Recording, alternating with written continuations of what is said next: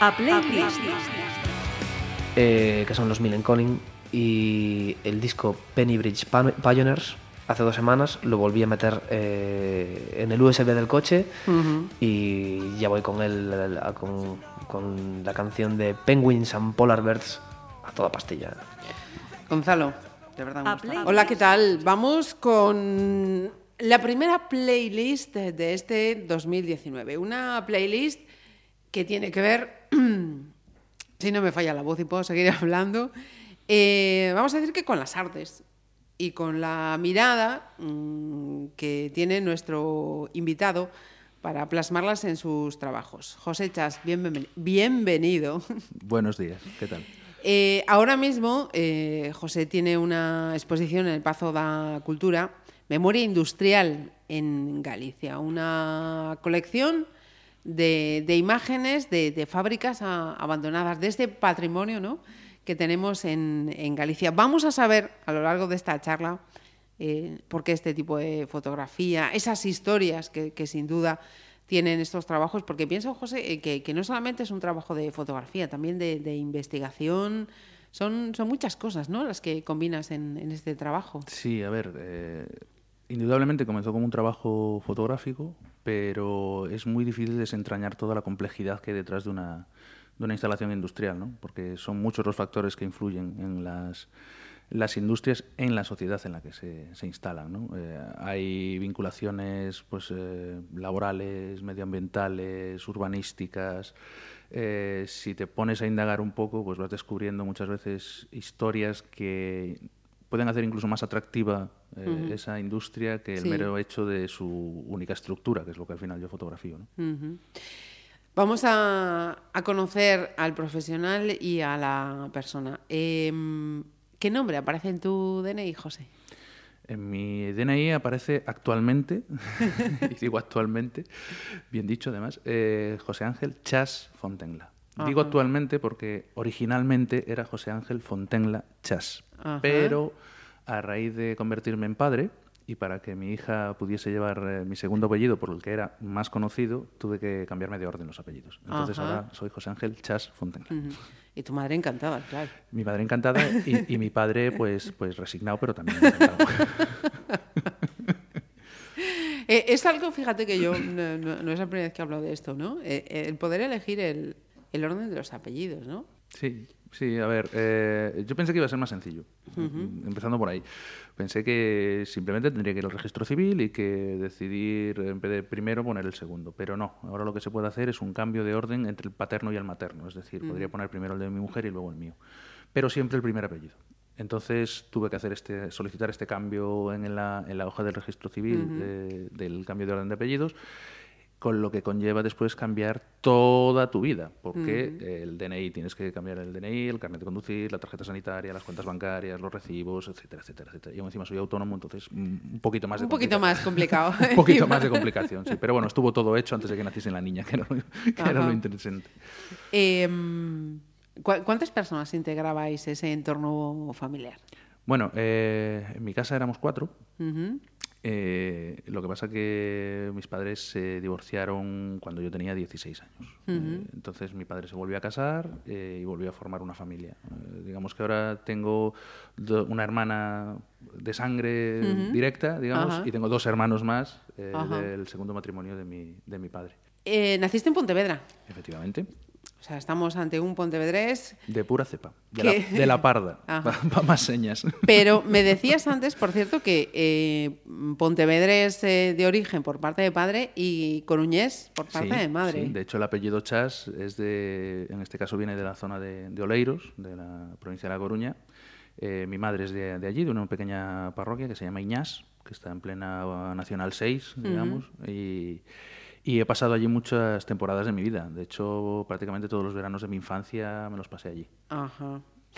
Eh, hablaremos de, de esos veranos. Si te parece, vamos, a, vamos con esa primera selección de esta playlist de... Me vas a salir, José, ¿me vas a permitir? Sí, por favor, no, no hay problema. Eh, cu- ¿Cuál es tu primera selección y por qué, y por qué has seleccionado? Bueno, vamos a comenzar haciéndolo por un orden cronológico, ¿no? por decirlo de alguna manera. Yo soy una persona muy ordenada, ¿eh? ya te lo digo ahora. Entonces me gusta tener, me gusta tener las cosas, eh, en este caso, por un orden cronológico. Eh, en mi casa siempre se escuchó música. Eh, mi padre y yo nos llevamos muy poco. Mi padre me tuvo con 20 añitos, se casó con 18, inconsciencia de los 70 de aquella. Eh, se casó con 18 años, mi madre con 20, me tuvieron con 20 y 22 años respectivamente. Y entonces, claro, mi padre era un joven de 20, 20 22 años eh, en casa escuchando la música que se escuchaba en los 70. Yo soy del 76 ya. Eh, entonces, siempre hubo música en mi casa. Recuerdo con mi padre ir a la, a la tienda de discos Auditorium, que estaba, si no recuerdo mal, es que, no sé cómo es la calle, si fue en Navarrete, bueno, mm, en una calle transversal a, a Rofiñac. Y íbamos a comprar vinilos. A mí me encantaba ir a comprar discos. Entonces mi padre siempre tuvo una, un gusto musical bastante internacional, eh, para aquella época en España, obviamente.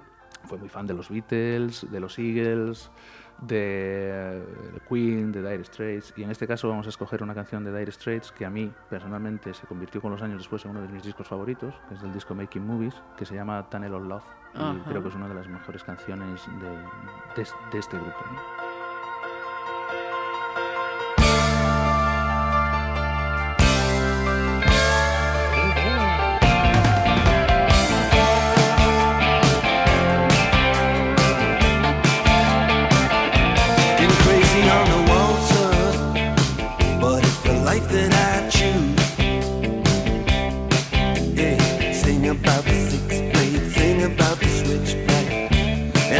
And I've been writing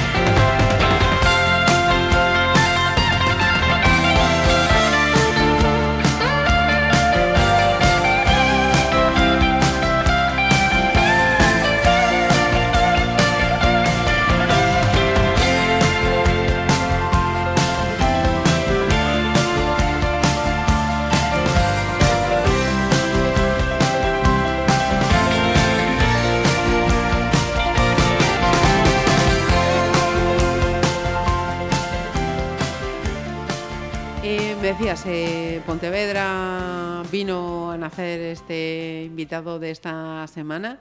Eh, ¿Cómo recuerdas? ¿Cuál era el entorno en el que se movía José en esa infancia? Bueno, yo en mi infancia me la pasé, de hecho, eh, hasta los 22 años, que se, que se mudó mi madre y se vino para, para el centro, para la calle Lepanto. Yo nací y me crié en la, en la Parda. Pero, en la parda de antes, no la de ahora, ¿eh? que ahora está todo urbanizado. No, no, Sí. la de antes, cuando aquello era todo campo, digo yo. Es decir, cuando estaba la cárcel, cuando éramos un arrabal de, de Pontevedra y parecía que estábamos desconectados de la ciudad. Eh, entonces era una zona bastante interesante porque era una cuestión mixta entre campo y ciudad, digamos, ¿no? Yo tenía delante de casa un campo enorme donde podría jugar con la bici, con el balón, jugar con los amigos. Teníamos un castaño donde coger castañas en, otoño. Eh, hacíamos carreras alrededor del barrio en bicicleta, jugábamos con los monopatines. Bueno, era mucha vida, Vida en, en la calle. Mucha vida en la calle. Eh, me lo pasé francamente bien. Me- hacíamos, eh, había fechas muy señaladas, por ejemplo, en la hoguera de San Juan, hacíamos una hoguera de San Juan todo el barrio, eh, pero hacíamos una hoguera de San Juan en condiciones, eh, bastante, bastante grande. Eh, bajábamos, hacíamos sardinas, convivíamos mucho en el barrio. Yo la primera comunión la celebré en el bar del barrio, por ejemplo. Ajá. Las fotos me las, hice, me las hizo mi padre precisamente en la finca de la abundancia. en La fe- famosa finca de la Abundancia, sí, señor. Eh, digamos que, que era un submundo dentro de, de Pontevedra. De todos modos, siempre estuve muy vinculado al centro también, porque mi madre, al venir de, de Coruña, al casarse, en su familia eh, eran prácticamente costureras todas, eh, o sea, su madre, mi abuela y todas sus hermanas. ¿no? Ajá. Eh, entonces mi madre se dedicaba a coser para tener un pequeño aporte económico extra familiar. A la familia. Mm. Y, y entabló relación con, con una sastrería del centro, que era Palmeiro, en la calle Javier Puig. Y, y ahí también pasé grandes, Mucho grandes tiempo. ratos de mi, de mi infancia. De hecho, mi primera guardería fue en la Plaza Barcelos. Entonces, Ajá. finalmente, al final, por casualidades de la vida, mi madre se acabó comprando un piso en la calle Lepanto, por lo que volvió otra vez a ese lugar a ese de lugar referencia. otra vez. ¿no? Sí, señor, sí, señor. Mira, eh, estábamos hablando de, de ese entorno y de repente he dicho, uy, había ahí una anécdota con tus abuelos de, de Coruña y a lo que se dedicaba tu abuelo. Cuéntame. Sí, bueno, esta es la parte de Pontevedra, pero yo lo comentaba, eh, mi madre es de Coruña y entonces cada 15 días aproximadamente íbamos a Coruña, ¿vale? Los fines de semana. Aparte de los veranos que pasaba allí. Eh, mi abuelo, eh, aparte de muchos trabajos que tuvo, finalmente en su vida, pues fue instalador de, de estaciones de servicio de gasolineras. De hecho, era el, el número dos por la provincia de La Coruña. Eh, instaló gasolineras, eh, pues las últimas, por ejemplo, fueron cuando se, se abrió la, la autopista del Atlántico, las primeras gasolineras que hubo en la autopista del Atlántico las instaló mi abuelo, pero tenía instalaciones de gasolineras por toda Galicia. Tenía un pequeño taller en Perillo. Perillo está en el límite con el Concello de La Coruña, justo en el puente Pasaje. Quien conozca la zona, pues más o menos hará una idea. Y está en plena ría del Burgo. Entonces, en esa ría del Burgo, yo ya desde, desde muy pequeño acompañaba a mi abuelo y, y desde cerca de donde tenía él el taller se podía observar la ría del Burgo e instalada en la ría del Burgo estaba la antigua fábrica de Cross, que era una, una fábrica de fertilizantes, una industria química bastante, bastante contaminante, hay que decirlo. Yo recuerdo perfectamente que tenía un desagüe directo a la ría desde unos 20 metros de altura, que echaba como un chorrazo Sí. directamente sin tratar a la ría, eh, aparte de un olor muy, muy penetrante porque utilizaban azufre eh, y procesos químicos que, que eran bastante desagradables.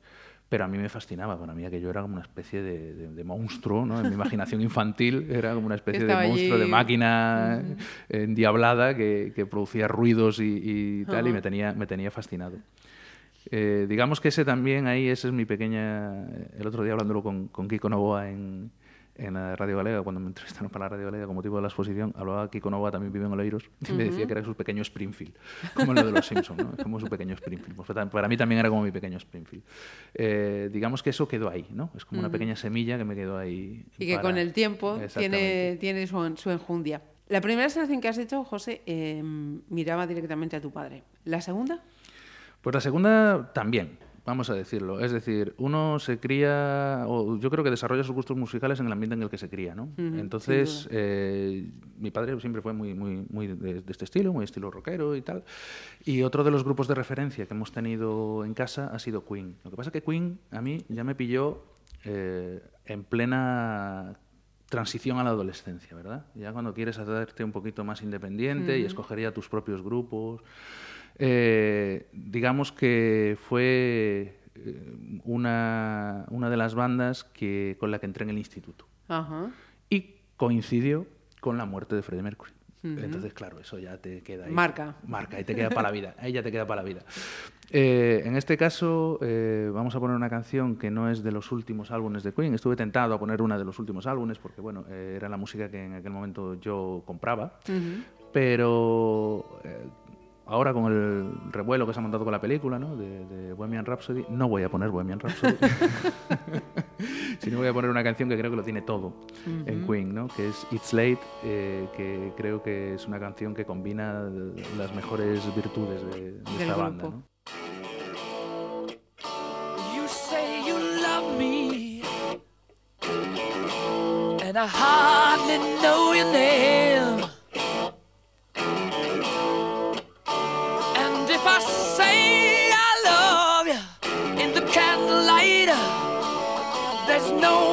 myself to blame. But there's something inside that's turning my mind away.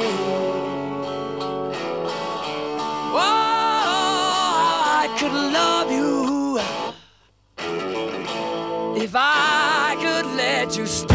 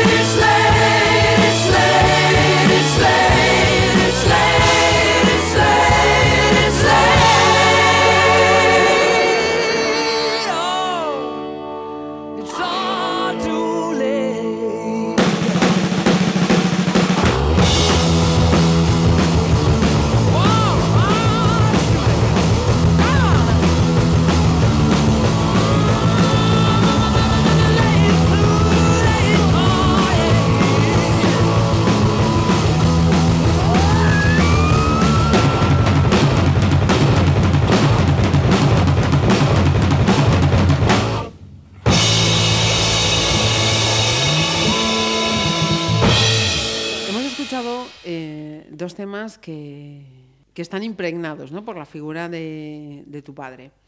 Pero eh, la fotografía, esto a lo que te dedicas ahora, también tiene que ver con tu padre. Pues sí, pues sí. Pues eh, mi padre era un hombre muy inquieto. Bueno, era joven, no lo vamos a negar, ¿no? un hombre de veintipocos años con un niño pues eh, pequeño en casa. Al final él eh, pues se seguía dedicando a aquellas cosas que le gustaban. Mi padre practicaba su pesca submarina, le gustaba mucho el atletismo. De hecho, fue campeón gallego de lanzamiento jabalina en sus eh, años mozos. Y entre sus aficiones se encontraba la fotografía. De hecho, teníamos una enciclopedia de fotografía en casa. Yo siempre fui un niño muy de, de ojear, de, de releer. ¿no? Yo en casa me tiraba... eh, La diferencia de edad entre yo y mi hermana es de seis años. Entonces, esos primeros seis años, eh, claro... Perdón, eh, seis años, tú mayor que ella. Yo mayor que ella, sí, yo mayor que ella. Yo pedí un hermano y me trajeron a mi hermana. bueno, no, no me arrepiento, no me arrepiento. Seguro que ella tampoco. Eh, no, me lo hizo pasar muy bien, ¿eh? todo hay que decirlo. y aún me lo hace pasar muy bien. Eh, lo que pasa que esos primeros seis años que estaba yo solo en casa, pues yo me dedicaba a, a leer, entre comillas, porque los primeros años no sabía leer, obviamente, pero sí que me encantaba ojear todas las enciclopedias que teníamos en casa. Teníamos enciclopedias de todo tipo, enciclopedias de animales, teníamos enciclopedias, eh, digamos, más genéricas, de, de técnica, etcétera, y teníamos una enciclopedia de fotografía. Eh, yo creo que me la he leído como que 20 veces entera. O sea, y, son ocho tomos. Pero tienes esas imágenes, vamos, grabadas a exactamente, fuego. exactamente. Y mi padre disponía de una cámara reflex, incluso disponía de un pequeño laboratorio, hizo sus pinitos ahí revelando en casa, pero bueno, no había espacio, al final la ampliadora acabó en el trastero, este tipo de cosas. Todavía conservo una foto revelada por él, que aparezco yo en la cama leyendo, eh, que tenía 3, 4 años. Y, y digamos que ese germen de fotografía estaba ahí. De vez en cuando, cuando íbamos de viaje, pues mi padre me dejaba la cámara, pues decía, "Bueno, haz tú una foto y tal. Y entonces hacía yo la foto, ¿no? Y me encantaba componer. Claro, una cámara reflex lo que tiene es que es, es algo casi mágico, ¿no? Porque ves por el visor y es otro mundo. ¿No? Y Entonces ahí tienes tu tiempo y puedes componer y puedes hacer la imagen y tal. Y claro, aquello a mí ya, en un principio ya me llamó muchísimo la atención. Hay una cierta, un cierto componente de imitación de la figura paterna, es decir, si a tu padre le gusta la fotografía, yo también quiero hacer foto. Si mi padre hacía pesca submarina, yo también buceaba. Eh, si mi padre hacía atletismo, mm, yo no era muy bueno para el deporte, pero bueno. Pero hacías tus pinitos. hacía mis cosas, hacía otras cosas. Pero bueno, sí que, sí que había ese concepto, ese pequeño, digamos, concepto de admiración Ajá. y, y yo quería hacer fotografía. De todos modos, mi primera cámara la pedí con 12 años. Espera, espera. Va- vamos a ir ya con, e- con ese momento a adolescencia. No sé si la tercera selección está en ese, en ese momento temporal o me adelanto o me quedo por detrás. Bueno, eh, est- estábamos hablando antes con Quinn, ¿no? De, del, del- del- de, digamos, de la- del paso del colegio al instituto, ¿no? Eh, Por cierto, ¿cuál fue el cole y el instituto en los que estudiaste? pues mira, yo en el colegio estuve en la Junquera 1, Ajá.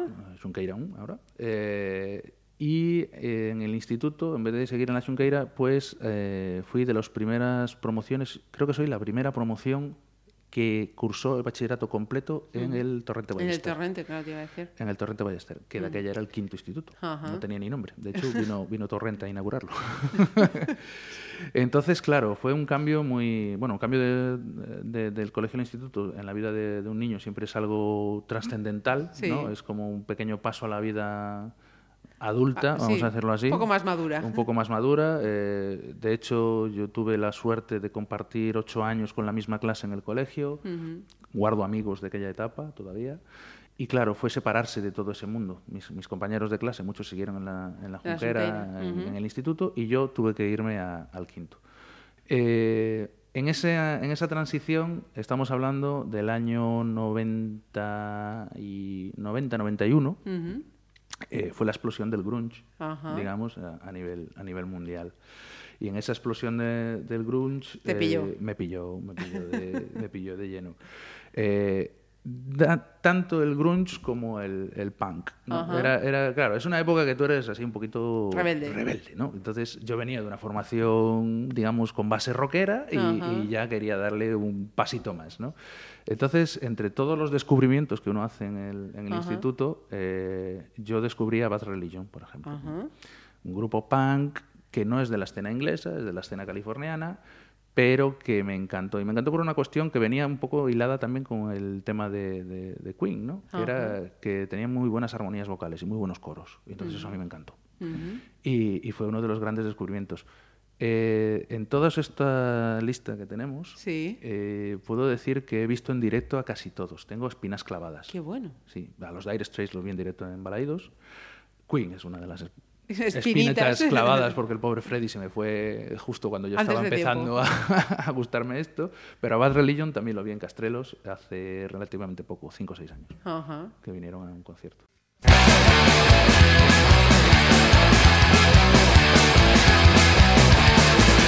Culture was the seed of proliferation, but it's got it melded into an inharmonic whole, to an inharmonic whole. Consciousness has plagued us and we cannot shake it. Though we think we're in control, though we think we're in control. Questions that besiege us in light are testament of our helplessness. There's no vestige of a beginning, no prospect of an end. When we all disintegrate, we'll Time is so rock solid in the minds of the hordes, but they can't explain why it should slip away. Explain why it should slip away. History and future are the comforts of our curiosity, but here we are, rooted in the present day. Rooted in the present day. Questions that besiege us in light are testament of our helplessness. There's no vestige of beginning, no prospect of an end. When we all disintegrate, we'll all happen again. If you came to conquer, you'll be king for a day. But you too will deteriorate and quickly fade away. And believe these words you hear when you think your path is clear. We have no control. We have no control. We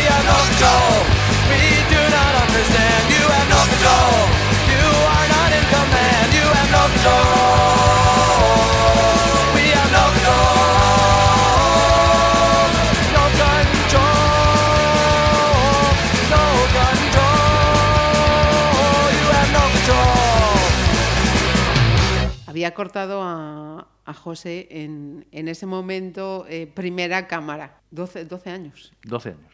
Cuéntanos.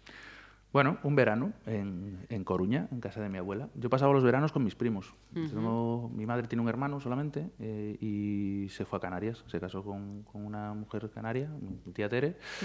Eh, estas cosas que te vas a hacer la mil y te enamoras. Y, y entonces se fueron a vivir allí. Pero los veranos mis primos Venían. venían, venían a Coruña. Entonces me pasaba los veranos con ellos y un verano mi tía me dijo, bueno, ¿qué quieres que te regale? Porque son mis padrinos además. Entonces me decían, ¿qué quieres que te regale? Y yo decía, ah, no sé, nada, va, no sé. Y en una de estas se me encendió la bombilla y le dije, ya sé lo que quiero. ¿Y qué quieres? Una cámara fotográfica. Claro, ellos pensaban, hombre, viniendo de Canarias, que era mucho más barata, Ajá. ¿sabes? Me la podías haber pedido antes y ya te la traía de allí y tal, no sé qué. Dice, bueno, tenemos esta, te la quedas. Y entonces me regaló la cámara que traían ellos para las vacaciones. Ah. Y era una cámara bah, muy sencillita, automática, de estas de enfocar y disparar, pero que a mí me hizo una ilusión enorme. Claro, Claro. aún la conservo, ¿eh? Aún la tengo ¿Sí? en casa, sí, sí, sí, sí. Y fue mi primera cámara fotográfica. Con ella, pues hacía fotos a, pues, a las cosas que A me todo. interesaban, pues, a- Ah. pues al perro que teníamos en la finca, a cuando asfaltaron la calle en La Parda, que era como que una, aquello fue como una especie de... de También evento. un paso hacia la madurez. Claro, un, un evento social, ¿no? Allí, en plan, Dios mío, nos están asfaltando la calle, qué maravilla. Eh, este tipo de cosas, ¿no? Hacía muy poquitas fotos. Hay que entender que veníamos de una época en la que la fotografía no era como hoy en día, que puedes fotografiar con el móvil, con la cámara digital y, Mm. Y borras disparas y tienes, borras y tal. No, allí teníamos, estábamos limitados a 24 o 36 y, y había que revelarlo y había que pagarlo. Entonces había que pensarse un poco Mm. en qué gastarse aquellas, aquellas fotografías. Pero bueno, esa fue mi primera cámara propia, ¿no? Por decirlo. Y cuéntame, después de esa cámara, ¿cuándo tienes en tus manos una reflex? Bueno, Aparte de esas veces que tu padre te dejaba disparar. Claro, claro. Yo venía, o sea, cuando íbamos por ahí, mi padre llevaba la reflex y yo llevaba la mía, obviamente aquello era un agravio comparativo, ¿no? Entonces, eh, seguimos en el momento adolescente, yo estaba en el instituto ya en tercero de BUP y era el momento de hacer el viaje de, de fin de curso.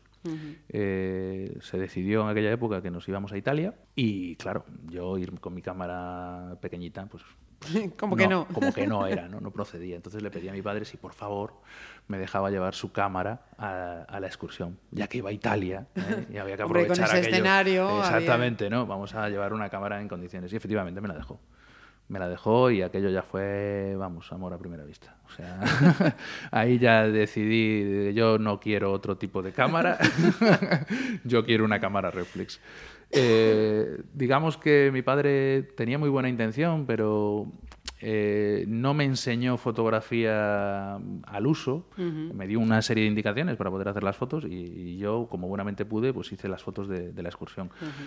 No recuerdo ahora cuántos carretes fueron, pero no sé si fueron seis, siete carretes que hice yo en aquella, en aquella excursión. De hecho, me convertí en el fotógrafo oficial de la excursión luego tuve que hacer copias para todos mis compañeros. y fue una experiencia maravillosa, fue una experiencia maravillosa. Eh, a partir de ahí ya me quedó el, el gusanillo, ¿no? digamos, hasta que pude por fin comprarme mi primera, mi primera reflex, que eso ya llegaría más tarde. Eso llegaría más, más tarde. Eh, bueno, pues vamos a ponerle música a este momento, Reflex Italia. Bueno, eh, en Italia y en la excursión hubo mucha música, obviamente. Eh, estamos hablando de la época del Wallman, ¿eh? de cuando íbamos con las cintas de casete y rebobinábamos con los bolígrafos, Sí. estas cosas que hoy los millennials a lo mejor ya no, Ya no saben lo que saben era. lo que es. Pero sí, escuchábamos muchísima música. Era, eh, date cuenta que nos hicimos un viaje hasta Italia en autobús. Entonces eran jornadas de autobús Muchas. de muchas horas, ¿no? Entonces nos poníamos los cascos y, y íbamos tirando millas. Eh, en aquella época, repito, eh, estamos a mediados de los 90, año 93, 94, eh, mucho grunge, eh, mucha música nueva en el ámbito internacional y un grupo que a mí es uno de mis favoritos y una de las espinitas que tengo clavadas, que a ver si me la quito algún día, porque esto sí que todavía no se han retirado, que es Pearl Jam. Y Pearl Jam, yo en aquella época me comprara el Vitalogy, que es eh, un gran disco, eh, del- a mí de los que más me gusta de, de Pearl Jam, aunque me gustan prácticamente todos, Todo. tengo casi toda su discografía. Pero el Vitalogy pues tiene esa componente de, de aquellos primeros discos que te comprabas con tu dinero. ¿no? Y, y de dentro de este disco voy a coger una de las canciones menos cañeras, vamos a decirlo así, un poquito más suaves, pero que me gusta mucho, que es Betterman. Y, y que me acompañó durante aquellos viajes en autobús, ¿no? aquellas jornadas. Aquellas intensas horas de autobús. To herself. There's no one else who needs to know. She tells herself.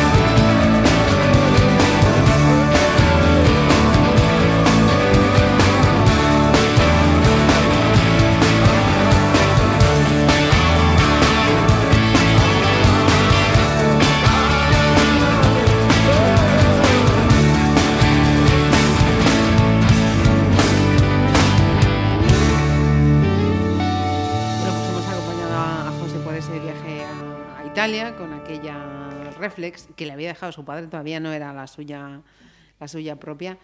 En esos momentos de, de instituto, ¿ya, ¿ya sabías que te querías dedicar a la fotografía? ¿Había otros derroteros? Cuéntanos, ¿por dónde iban? Eh, bueno, había otros derroteros, de hecho. La fotografía en aquel momento no dejaba de ser un hobby, ¿vale? No dejaba de ser pues una afición compartida con mi padre en aquel momento y de la que yo disfrutaba. Bueno, disfrutaba de esa afición como disfrutaba yendo a buscar setas o disfrutaba, eh, digamos, eh, jugando al fútbol, ¿no? Era, era una afición más que te complementaba en, en tu vida de adolescente en la que tienes 50.000 historias y no paras, no paras quieto. Eh, pero realmente mi, mi formación académica iba por otros derroteros. Mi formación académica estaba enfocada hacia, hacia la ingeniería. ¿vale? Yo, en teoría, quería ser ingeniero, eh, ingeniero industrial, para más señas.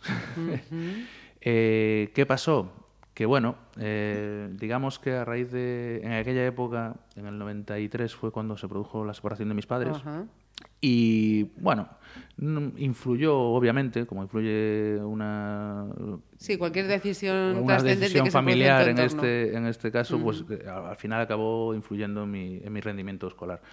No quiero decir que yo fuera un excelente alumno, ni mucho menos, pero bueno, eh, era de aquellos que iba sacando curso por año, con unas notas normalitas, pero nunca había ido con, pues, con asignaturas pendientes ni nada de esto. Eh, llegó COU, que era el curso de orientación universitaria, Sí. yo todo en el bachillerato yendo por ciencias puras, matemáticas, física, química, dibujo, eh, todo muy claro, muy orientado a- hacia, Hacia la hacia- hacia la ingeniería. Pero en COU, pues eh, no pude hacer la selectividad en junio. Ujú. Me quedaron asignaturas pendientes, tuve que ir a septiembre en aquella época y eh, aprobé esas asignaturas y esa selectividad en septiembre. septiembre. Claro, ¿qué problema había? Que cuando quise ir a ingeniería industrial, pues ya no había plaza.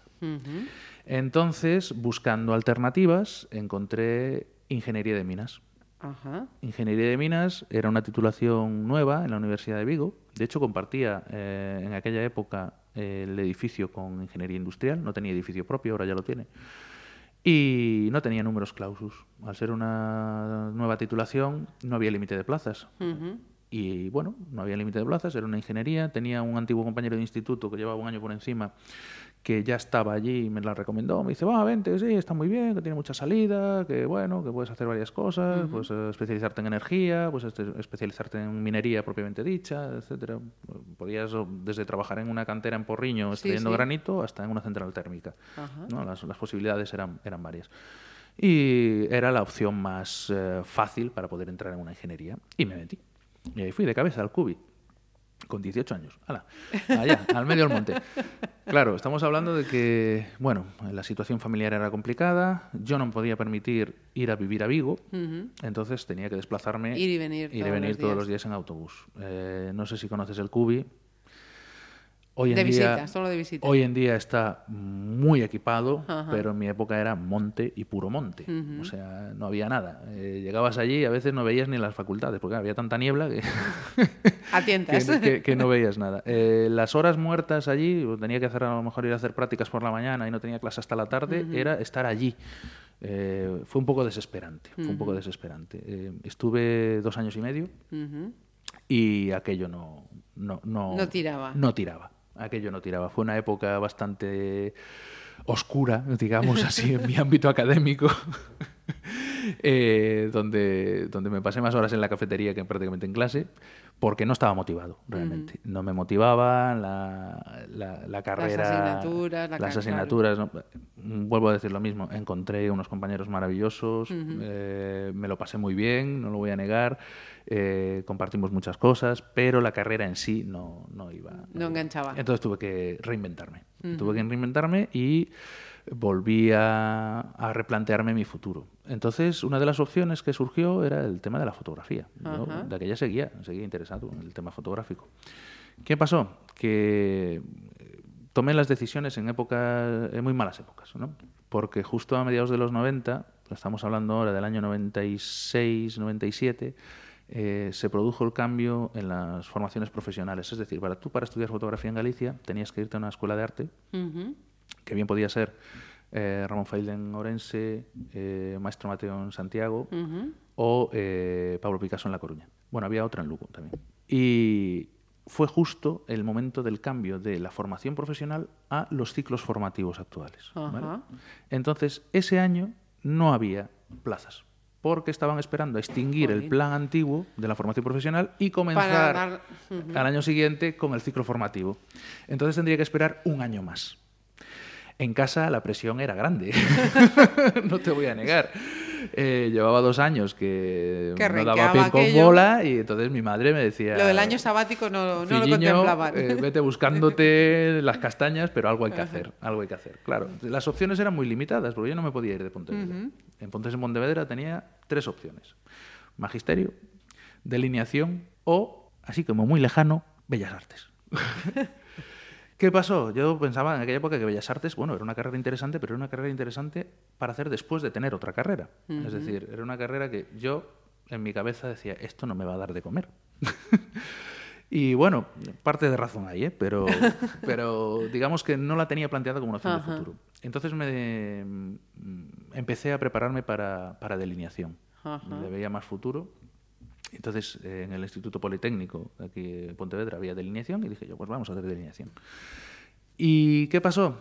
Que uno de mis compañeros de colegio, eh, de, de la Junquera, de que todavía mantengo como, como amigo, pues él sí tenía muy claro desde el principio, es uno de mis mejores amigos, y tenía muy claro desde el principio que quería hacer Bellas Artes.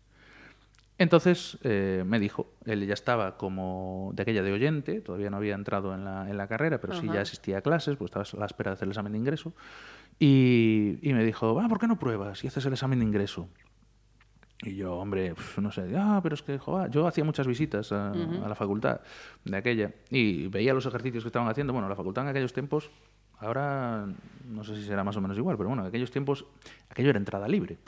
Aquello tú entrabas en clase, fueses o no fueses alumno, entonces yo estaba allí con mis amigos y veía los ejercicios que tenían que hacer y tal, y decía, bueno, esto no es tan complicado, va, probar a hacer esto, probar a hacer aquello. Entonces ellos decían, Juan, si te da bien, ¿por qué no pruebas, a Pruebas. hacer Bellas Artes? Y dije yo, "Oye, ¿por qué no? ¿No? Es, otra, Claro. es otra opción más, no, no, no pierdo nada. Entonces me, me, mm, empecé a preparar el examen de ingreso y, oh sorpresa, lo aprobé.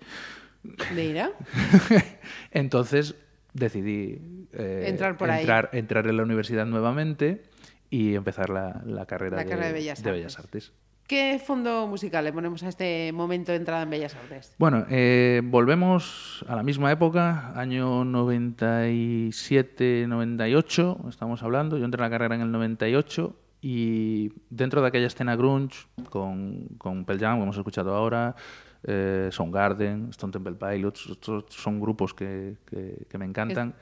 Eh, de este último, de Stone Temple Pilots, que sí que tuve la oportunidad de verlos en Paredes de Coura, eh, que me parece uno de, es uno de mis grupos favoritos. Vamos a una, can- una canción que se llama Bing Bang Baby y es una es un tema de su disco menos exitoso, por decirlo de alguna manera, pero que a mí es uno de los temas que más me, me rompió la cabeza y que me, sí, porque es, es espectacular.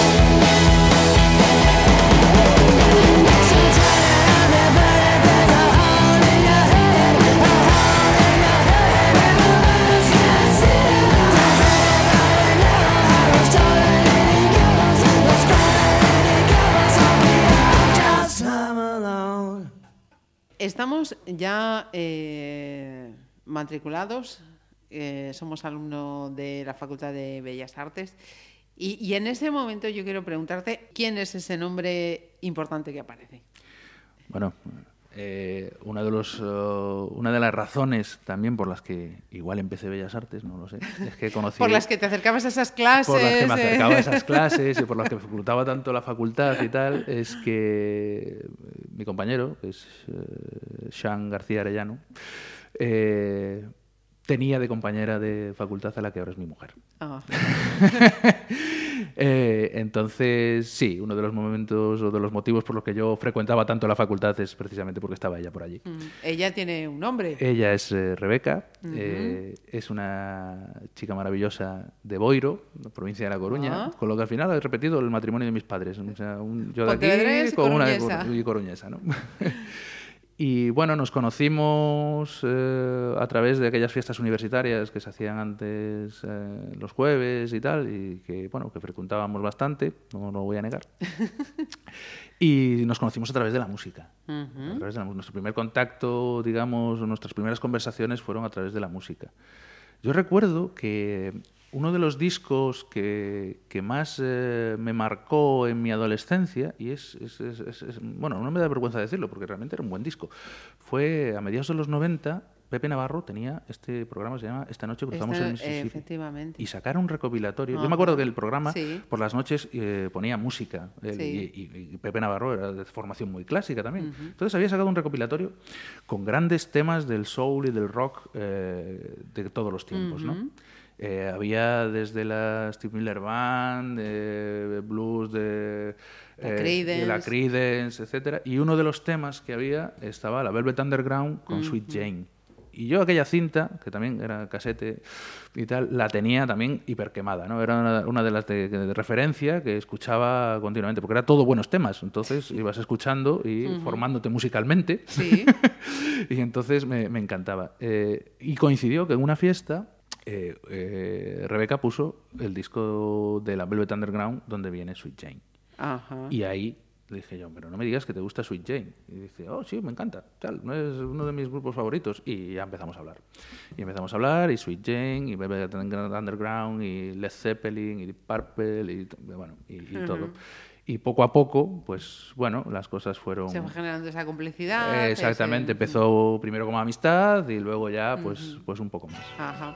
Pues no, no pregunto, lógicamente, cuál- qué es lo que vamos a escuchar ahora. Pues- pues momento creo- Velvet y momento Rebeca. Por cierto, por supuesto, Jane de la Velvet.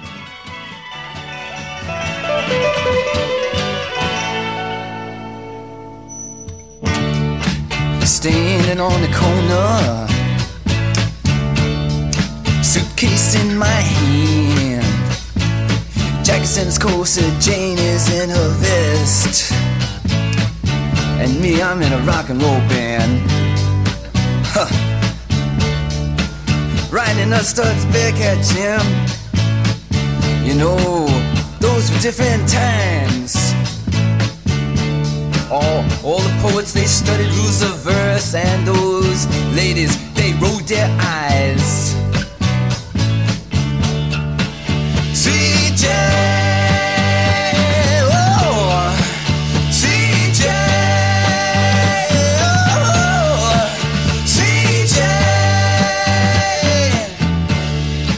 Something, Jack, he is a banker. And Jane, she is a clerk. And both of them save their monies. And when, when they come home from work, ooh, uh, sitting down by the fire, uh, the radio does play the classical music there, Jim. The march of the soldiers, all you protesters. You can hear Jack say, get Jane, uh, come on, baby. Sweet Jane, Sweet Some people, they like to go out dancing, and other people, they have to work. Just watch me now. And there's even some evil mothers Well, they're gonna tell you that everything is just dirt. You know that women never really feign and that villains always blink their eyes. Ooh. And that, you know, children are the only ones who blush. And that life is just to die.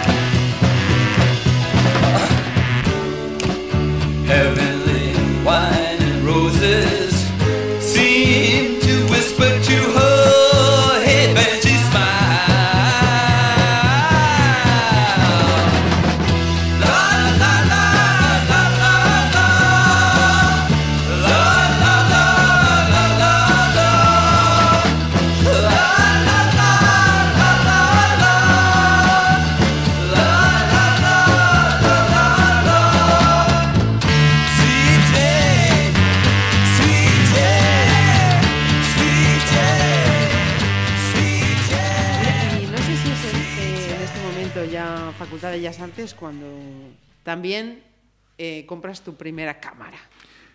Pues fue justo al entrar. Bien. Es decir, es decir, yo una de las cosas que tenía claras era que como no había podido hacer eh, fotografía en el Maestro Mateo, en Santiago, eh, yo iba a hacer fotografía en la facultad.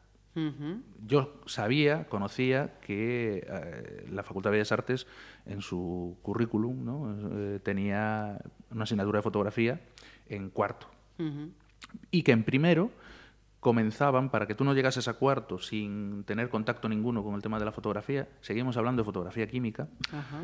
tenías en primero un, un primer acercamiento a tema de laboratorio. Entonces, como yo al entrar iba a estar en el laboratorio, yo quería ya enfocar toda, toda la carrera como buenamente pudiese a, a la fotografía. Obviamente, tú tienes dibujo, tenía pintura, tenía escultura, había asignaturas que, mal que bien, a lo mejor la fotografía no encajaba y, y tendría que pintar y tendría que dibujar, Sí, sí, etc. sí. Pero sí que tenía claro que en la medida de lo posible todo lo que pudiese hacer con fotografía lo haría con Y fotografía.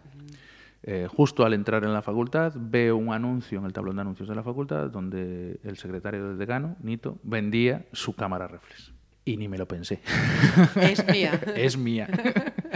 y le, le- le compré a él una Pentax P30 que todavía conservo con muchísimo cariño. De hecho, me la ha intentado recomprar. y le he dicho que no, que esta no, esta se viene conmigo, vamos, a donde yo vaya.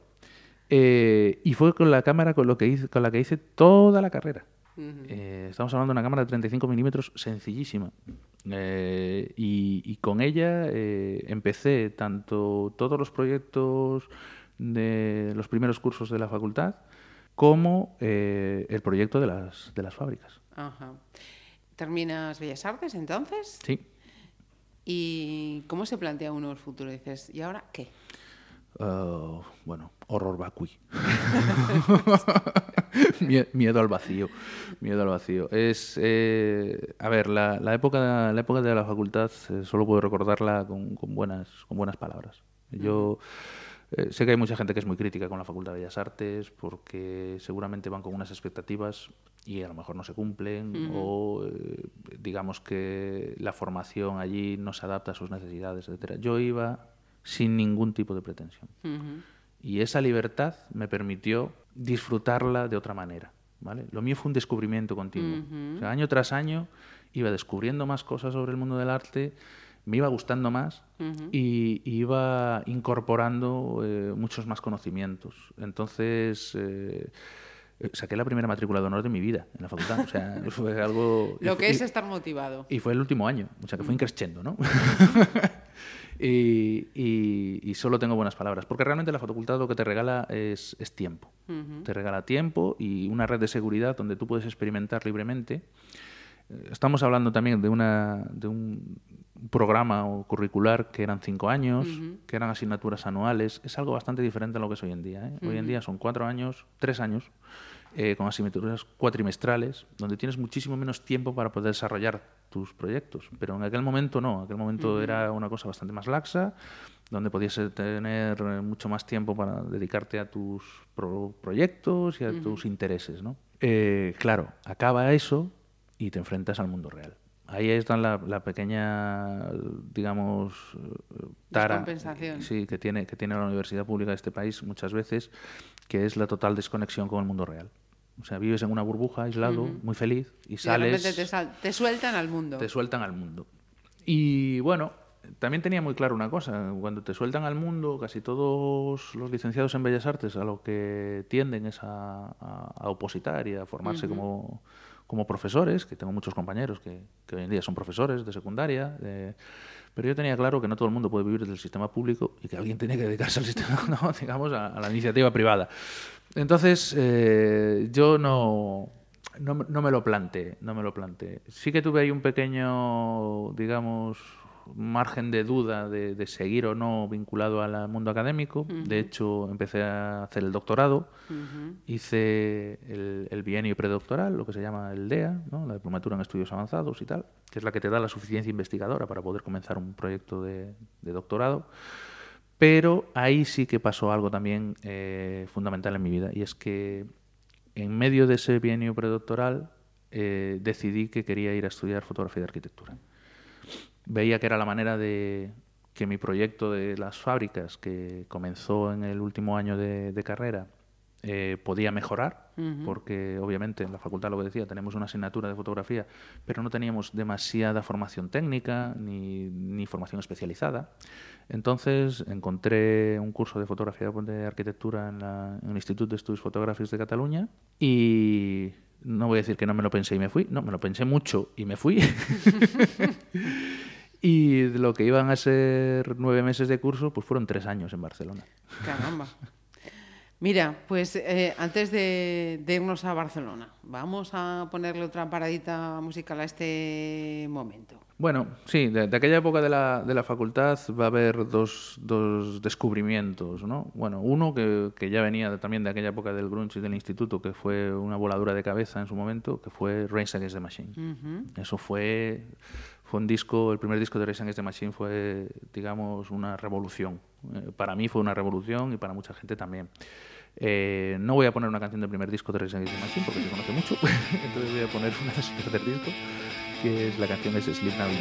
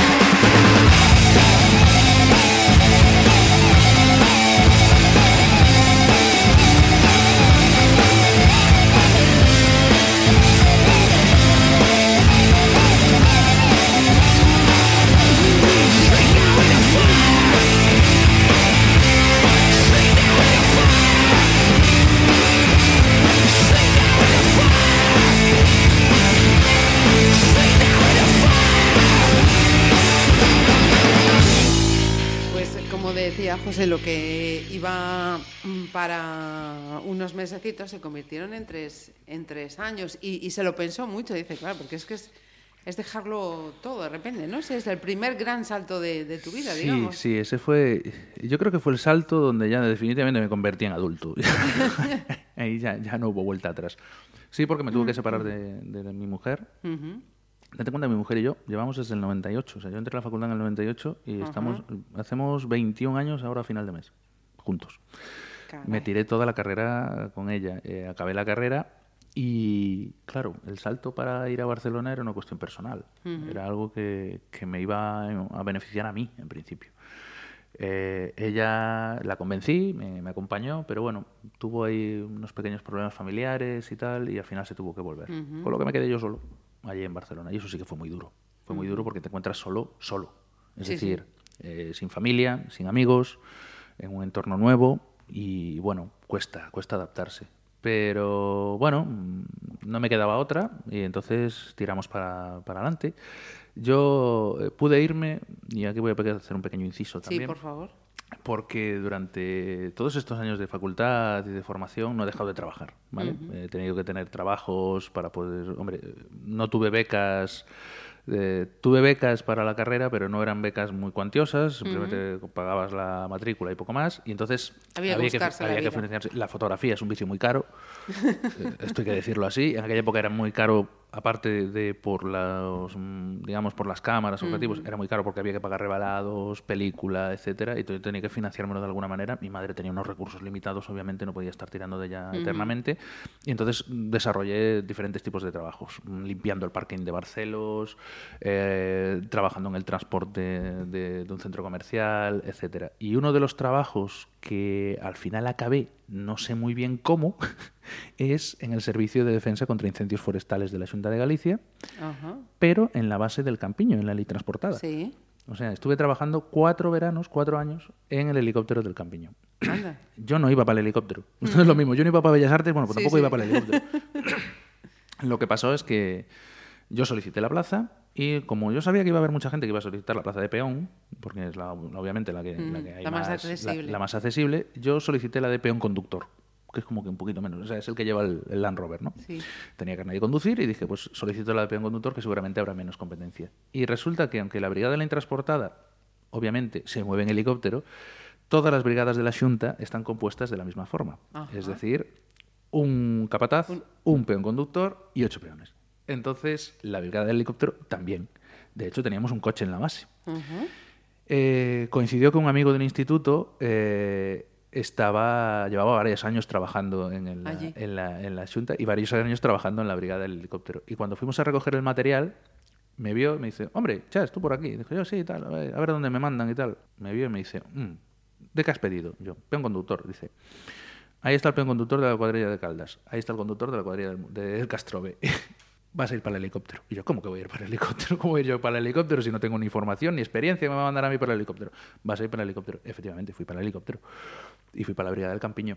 Y bueno, no voy a negar que el primer año fue muy duro, pero luego fue, fue mi mili. Fue, fue hacer la mili, pero... Pero es que estoy intentando encajar. O sea, te, te suben a un helicóptero. Efectivamente, así, a pelo. A, martillo. A pelo. Tengo que reconocer que me encanta volar. ¿Vale? Eh, yo de pequeño, entre, aparte de querer ser fotógrafo, quería ser piloto. mm, De estas idas de olla de infantiles, ¿no? y, y claro, la posibilidad de, de ir en un helicóptero, eh, con todo lo que me gusta a mí, las máquinas y todo esto, a mí me, me- me fascinó.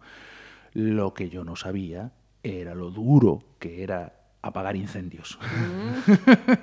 lo duro que era apagar incendios. Y lo duro que es apagar incendios en una brigada transportada que eres los primeros en llegar. Gracias a esos cuatro años pude juntar el dinero suficiente del paro para poderme ir a Barcelona. Esa fue, la, esa fue la, la razón por la que me pude ir a Barcelona. Y sí, guardo muy buenos recuerdos con ellos. De hecho, tengo también muchos amigos. Eh, este año pasado se celebró el 20 aniversario. Me inventaron a la cena. Finalmente no pude ir. Fue una pena porque no pude ir a aquella cena con, con- con todos ellos. Desde aquí les mando un saludo muy grande. Y la verdad compartes muchísimas experiencias, haces vínculos muy fuertes porque estás en situaciones muy graves muy a veces, intensas. muy intensas. Y, y la verdad fue, fue una experiencia vital impresionante. Fíjate tú hacia dónde nos hemos ido. ¿eh? Estas son las cosas que, que tiene la Play, que uno empieza a preguntar, empiezas a hurgar y, y- y aparecen cosas como, como esta. Sí. Vamos a ponerle un poquito de, de música, porque me imagino yo que en el helicóptero no, no había momento para... Bueno, eh, digamos que, que el helicóptero no había momento para música. ¿no? Por eso, por ahí, eso. ahí no había momento para música y en los incendios mucho menos. Pero sí, de aquella época y de los últimos años de carrera, porque de todo esto se, fu- se fue compaginando. Es decir, yo estaba los veranos apagando incendios a y el resto a tu eh, formación. a mi formación. Y en aquella época, eh, estamos hablando de medio- principios de los años 2000, 2002, 2003, también llegó a mis oídos otro grupo que, que también me dejó impresionado, que es Queens of the Stone Age, que también pude ver con Stone Temple Pilots en el mismo concierto en Paredes de Coura, en Portugal. y de, de ellos, bueno, tienen muchas canciones míticas, tienen muchos álbumes míticos, pero voy a poner una de su penúltimo álbum que, que se llama I Sat by the Ocean y que me acompaña todos los días porque es mi tono de teléfono.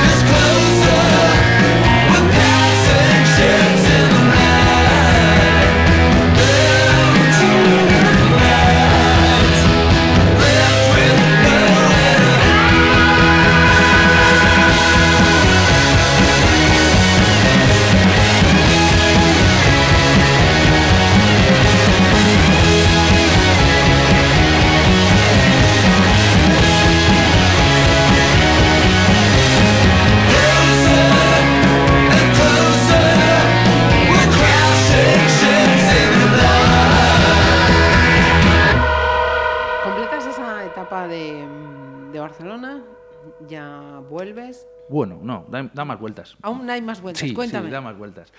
Eh, vale, yo me voy a Barcelona con ese dinero que, que reúno de, de estar trabajando en la Brigada de la bri- Incendios. ¿no?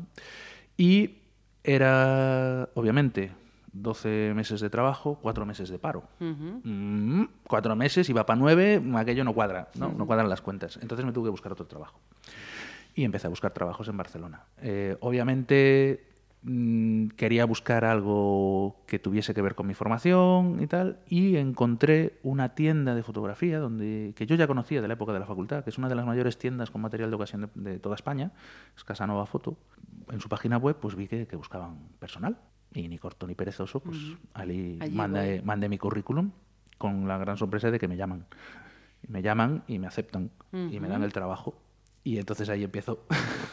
Ahí, está el motivo de que yo pasara de estar nueve meses a estar tres años. Y fue mi segunda gran formación. Es decir, eh, de repente eh, te ves eh, rodeado. De hecho, empecé a trabajar en el, en el departamento de cámaras de ocasión, con lo que estaba rodeado de cámaras clásicas, modelos que yo solo veía en las revistas y, y que conocía de las enciclopedias de mi padre y Sí, que nunca sí. había tenido entre las manos y de Y allí repente estaban toditas. allí estaban todas y más.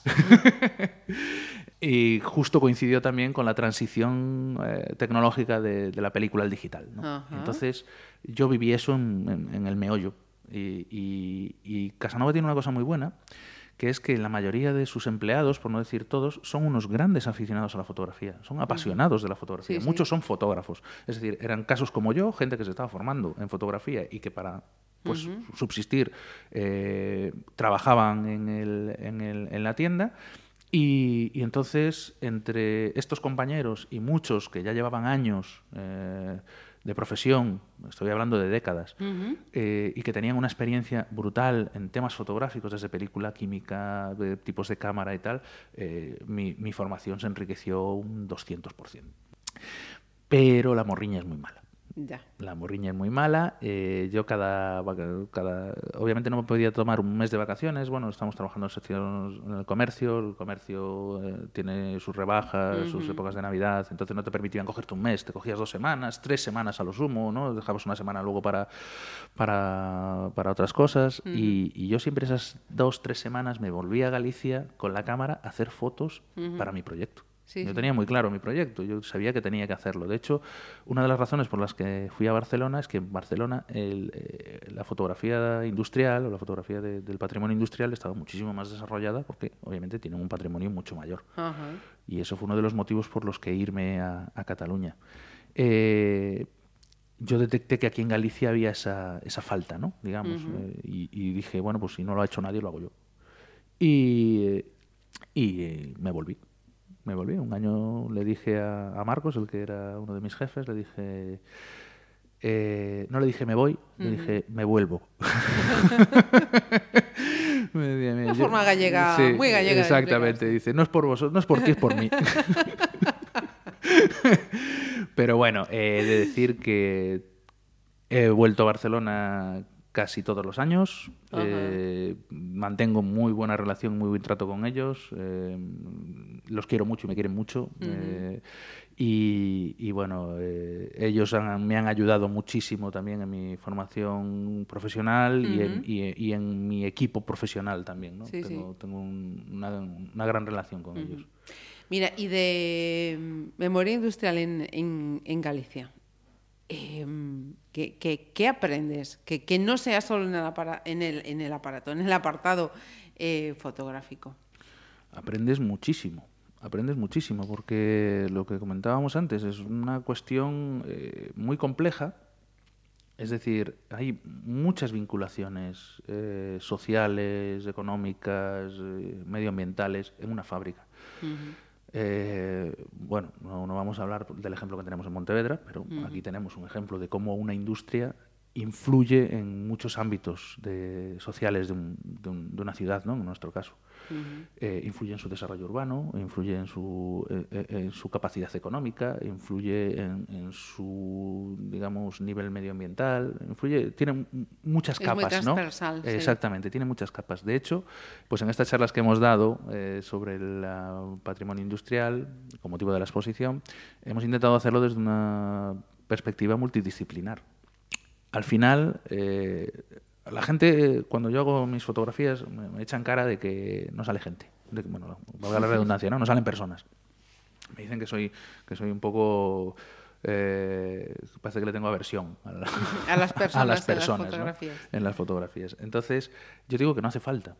Y digo, eso que vemos es la expresión de toda la humanidad que hay, que hay ahí, ¿no? y de toda la gente que hay ahí.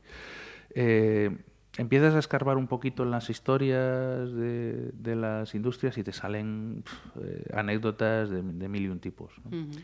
Eh, no sé, por ejemplo, eh, un caso de, comentábamos antes de La Cross, ¿no? La Cross tenía una delegación aquí en Pontevedra, que está en Alba, que ahora es un almacén de Ceferino Nogueira, era una fábrica de, de fertilizantes igualmente. Eh, yo le estuve haciendo fotos eh, en la época de la carrera y me acuerdo que un vecino me vio. y claro, la, la gente se suele sorprender ¿Qué al hace ver a- este Sí. fotografiando una nave abandonada? No, peor todavía. Dice, ¿qué, qué fotografía este? Que ahí no hay nada. es lo que me suelen decir. Dice, ¿qué, está- dice, ¿qué está fotografiando si ahí no hay nada? No, no hay nada. Claro, las ruinas para ellos es nada. ¿no? Y, y entonces le comento, bueno, porque estoy haciendo un proyecto y tal sobre esto. Y entonces él me empieza a hablar, dice, ay, sí, porque claro, aquí, esta fábrica, recuerdo un año, el hombre tenía la casa al lado, pegada. Estamos hablando de una fábrica, una industria química que trabajaba con, con- con azufres y con ácidos, con sulfuros y tal. Pues al parecer una, no sé, hace cuántos años, eh, hubo un escape de, de ácido sulfúrico en esa fábrica. Estamos hablando de una cosa muy grave. Tuvo la suerte de que fue de noche y que esa nube fue más densa que el aire y entonces al salir cayó a tierra, pero quemó totalmente el campo de maíz que tenía al lado de la fábrica este pobre hombre. Toma. Tú imagínate levantarte por la mañana y, Y ver, arrasado. arrasado por una nube de lejía en forma de gas ¿no? sí, que te sí. ha quemado todas las plantas. Pues este tipo de cuestiones que, que pasan a menudo y que son situaciones obviamente excepcionales, pero que ocurren en el día a día, eh, dejan su huella ¿no? en, la, en la gente y dejan su huella de una manera emocional. Es decir, obviamente esa persona ya no va a ver con los mismos ojos una fábrica que un trabajador que gracias a esa fábrica ha podido mandar a sus hijos a la universidad, ha podido comprarse una casa, ha podido progresar en su forma de vida. ¿no? Eh, y, y esas dos eh, mm, Vertientes. vertientes, ¿no? esas dos posiciones chocan muchas veces y chocan y lo vemos eh, a menudo en, en- en- en múltiples ejemplos de, de- de este tipo de industrias. No les podemos negar que las industrias han favorecido, digamos, el desarrollo de, de nuestra sociedad, pero tampoco les podemos pasar por alto el precio que hemos tenido que pagar muchas veces. Vamos, vamos a seguir hablando un poquito más de este proyecto, pero vamos a aderezarlo con un, con un poquito de, de música, que vamos ya por la novena selección. José. Bueno, vamos a, vamos a ponernos sentimentales otra vez. Digamos que... que- Que te tenía que haber preguntado yo antes para hacer esta introducción, con lo cual, mm, venga, esta canción tiene que ver con alguien que, que va a ser... Venga, habla tú, Bueno, habla tú. Hablo yo, hablo yo. Eh, el tema es que vengo de Barcelona, ¿no? Vengo de Barcelona, mm, empiezo a desarrollar mi proyecto, me dan una beca, por cierto, en el Museo del Mar, don- con, con este proyecto, pero solo dedicado a las conserveras, se llama Conservar a Memoria, que fue en el año 2010. Y, y empiezo a partir de ahí a desarrollar mi carrera profesional y tal. Eh, decidimos, mi mujer y yo, bueno, pues que después de que llevábamos 16 años, 17 años juntos, pues que igual llegaba el momento de casarse. Nos casamos. Y al año de casarnos, sin querer, porque, bueno, por diferentes motivos no habíamos podido tener hijos, mi mujer se queda embarazada.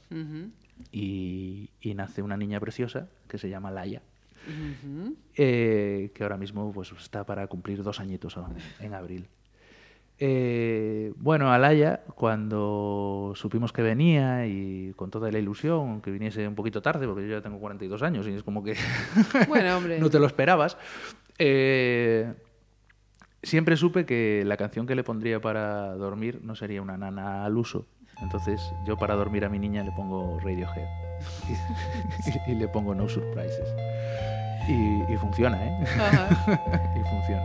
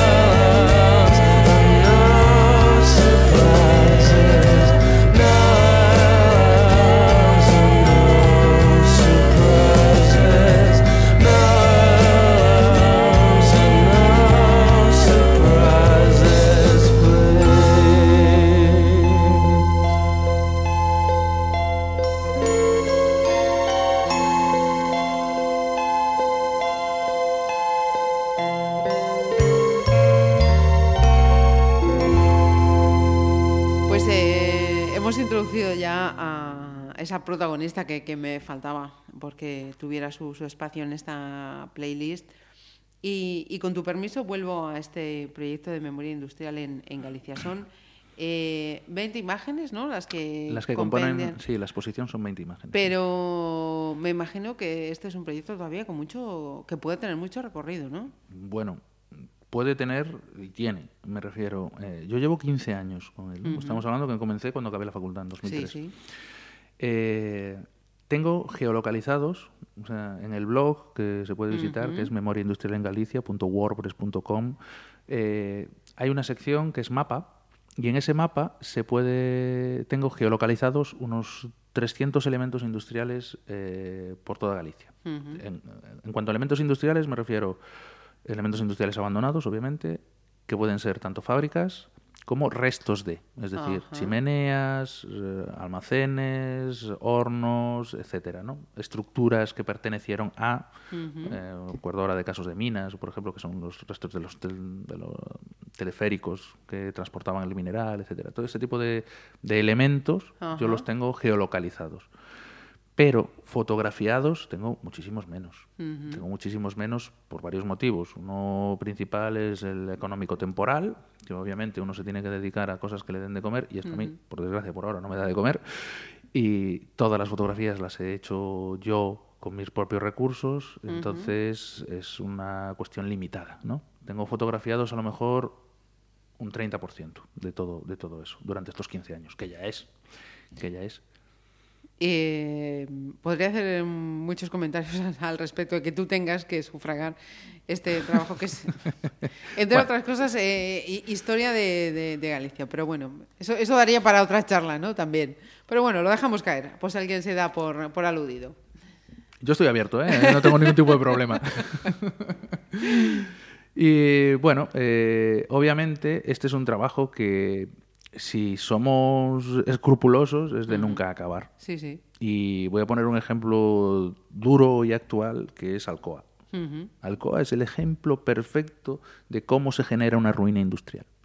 Es decir, una multinacional que en un determinado momento eh, decide que una empresa no es rentable en una ubicación y sin más, porque es dueña de su derecho a hacerlo, pues cierra la planta. Cierra la planta, que se queda en un proceso muchas veces enquistado de mm, ver si mm, autoridades públicas, con inversores privados, eso lo único que hace es dilatar en el tiempo que esa fábrica no se toque y se va deteriorando. La- la- el proyecto de memoria industrial en Galicia, de lo que habla fundamentalmente es del paso del tiempo, habla sobre el tiempo en la escultura, ¿no? realmente, que ese fue el germen del proyecto. En la arquitectura. Y la arquitectura, claro. y, y digamos que ese tiempo solo avanza en una dirección. Ajá. Y la dirección es la del desorden El de- y, y el deterioro. Y entonces eh, eso se ve acelerado por múltiples factores, por actos vandálicos, por eh, desvalijamientos de material, etcétera, y, y provoca que luego me encuentre yo con esas con esas fábricas en esos en esos En estado. en esos estados, claro. Y vemos aquí otra vez la implicación social, ¿no? Y todo lo que, lo que ello supone. Todos los conflictos que suele haber. Yo, el- el- lo que me he estado dando cuenta normalmente es que en el blog siempre acabo con frases que son como y se llevó a cabo un ERE de extinción de empleos y después de las protestas se cerró la fábrica y, y al final los trabajadores son los que acaban sufriendo las consecuencias de todos estos de todos estos cierres es muy difícil eh, cerrar los ojos muchas veces a esta problemática y quizás eh, debería hacernos reflexionar un poco. Obviamente, eh, no voy a entrar yo en valoraciones sobre modelos productivos, ni sobre eh, tipos de, de economía, ni, de, ni de todo esto. Está claro que la economía evoluciona y que, y que los tiempos cambian y que hemos pasado reconversiones industriales y que las volveremos a pasar, etcétera, etcétera. Pero hay formas y formas de hacer las cosas, eso sí. Sí, sí. ¿Y si hablamos de futuro, José? Pues si hablamos de futuro, eh, pues a seguir trabajando, básicamente. Esto no puede parar. Eh, yo la idea que tengo ahora es de hacer itinerante la exposición. Es decir, de aquí seguramente ya tengo contactos hechos de- en la inauguración, por cierto, vinieron el alcalde de Noya y ya la quiere exponer allí. Una zona, una comarca también con un pasado industrial muy grande, tanto la zona de Noya como la zona de Lousame, que tenemos las, las minas de San Fins Sí. y, y un montón de fábricas de curtido que teníamos en, en Noya. Y, y seguir documentando el patrimonio. Bueno, yo no voy a hablar de patrimonio, vamos a hablar de la ruina industrial gallega. Porque no, no me corresponde a mí decir lo que es patrimonio y lo que no. Eso ya lo decidirán otros. Pero sí seguir eh, haciendo visible, que es lo interesante, este tipo de edificaciones para pensar en muchas veces darles una utilidad eh, pensada, razonada, eh, para no perder esa carga emotiva y de memoria que tienen. ¿no? Eh, ¿Con qué vamos a cerrar? Bueno, pues vamos a cerrar con algo más actual, ¿no? Ya que hemos hecho un repaso así cronológico, pues vamos a, a poner algo de la música que escucho, que escucho Ahora. actualmente, ¿no? Y, y, bueno, tengo muchos compañeros eh, que son músicos, que, que, que es- forman parte de la comunidad musical de, de esta ciudad, que es muy activa, que es muy, muy activa. Ciertamente. Yo, yo estuve dos años fotografiando el Surfing Lérez, ¿eh? Muy bien. por ejemplo. Muy- Y- muy diferente a lo de la memoria industrial. Muy diferente, pero me lo paso muy bien, me lo pasé muy bien. Y conozco a mucha gente que, que tiene grupos. Y bueno, y esta gente pues me descubre cosas nuevas, ¿no? Ajá. Y hace un par de añitos me descubrieron eh, un grupo inglés que se llama Turbo Wolf Ajá. y que acaba de sacar un disco el año pasado, se llama The Free Life y este es el tema que da título, título al disco. Bueno, pues con ese Turbo Wolf vamos a cerrar esta playlist. Muchísimas gracias por tu tiempo, José, por Ah. acompañarnos, por compartir eh, este tiempo con nosotros y muchísima suerte. A vosotros.